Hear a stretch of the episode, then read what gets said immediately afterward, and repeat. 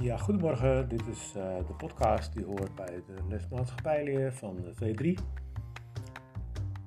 Uh, nou, ik ben uh, bezig om een paar leuke jongerenkranten te lezen en die heb ik ook al beoordeeld. Dat kun je zien in Magister.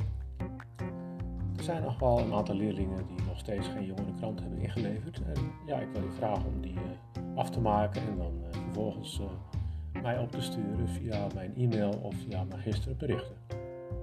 Als je daarmee klaar bent, dan kun je dus uh, gaan naar uh, je digitale werkboek, wat is maatschappijleer, en verder gaan met de keuzeopdrachten of beginnen aan de keuzeopdrachten van opdracht 2. En opdracht 2 is een interview en dat hou je met iemand die minstens 25 jaar ouder dan jij. Nou ja, goed, het mag ook wel iets minder zijn natuurlijk.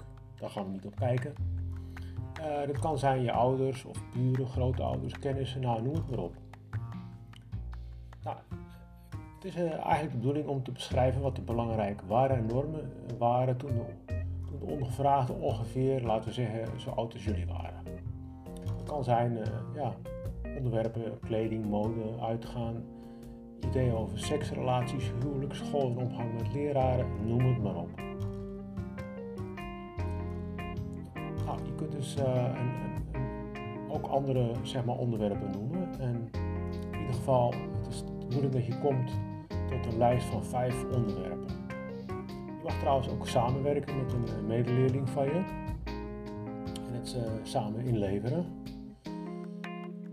Nou, kijk eventjes. Um, mag uh, zeg maar in ieder geval uh, minstens één onderwerp uh, toevoegen. En het hier dus bij de, ja, de, andere onderwerpen dan, genoemd, laat ik het even zo zeggen, bij B.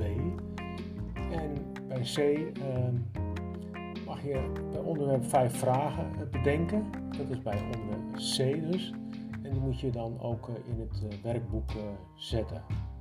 Ehm, bij opdracht 2D nou, dan heb je uiteindelijk een, afspraak gemaakt en het interview uh, gehouden. En de antwoorden die heb je tijdens het, uh, het, uh, ja, het, het, het, interview met steekwoorden dus ja, genoteerd. En die kun je bij D in het verslag dus kwijt.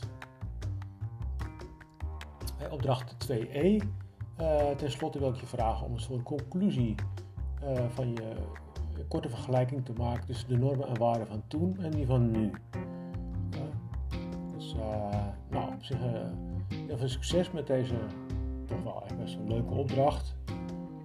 Um, nou, veel succes en als je vragen hebt, stel ze via magister berichten.